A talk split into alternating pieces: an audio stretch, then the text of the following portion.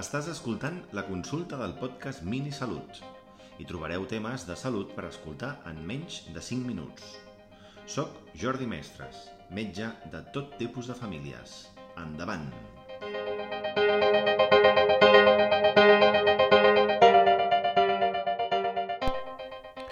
La hipertensió arterial és una malaltia crònica caracteritzada per l'elevació de la pressió sanguínia arterial de forma sostinguda, per sobre de les xifres 140-90 en població general.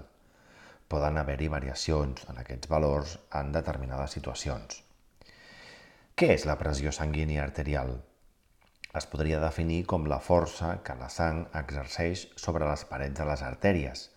És major quan el cor bombeja la sang cap a les artèries, valor més elevat de les xifres de tensió arterial, el que coneixem com tensió arterial sistòlica i és menor aquesta pressió entre els dos batecs cardíacs, el valor més baix de la xifra de tensió arterial, el que coneixem com tensió arterial diastòlica. Tenir la pressió elevada pot comportar lesions a nivell de la circulació arterial.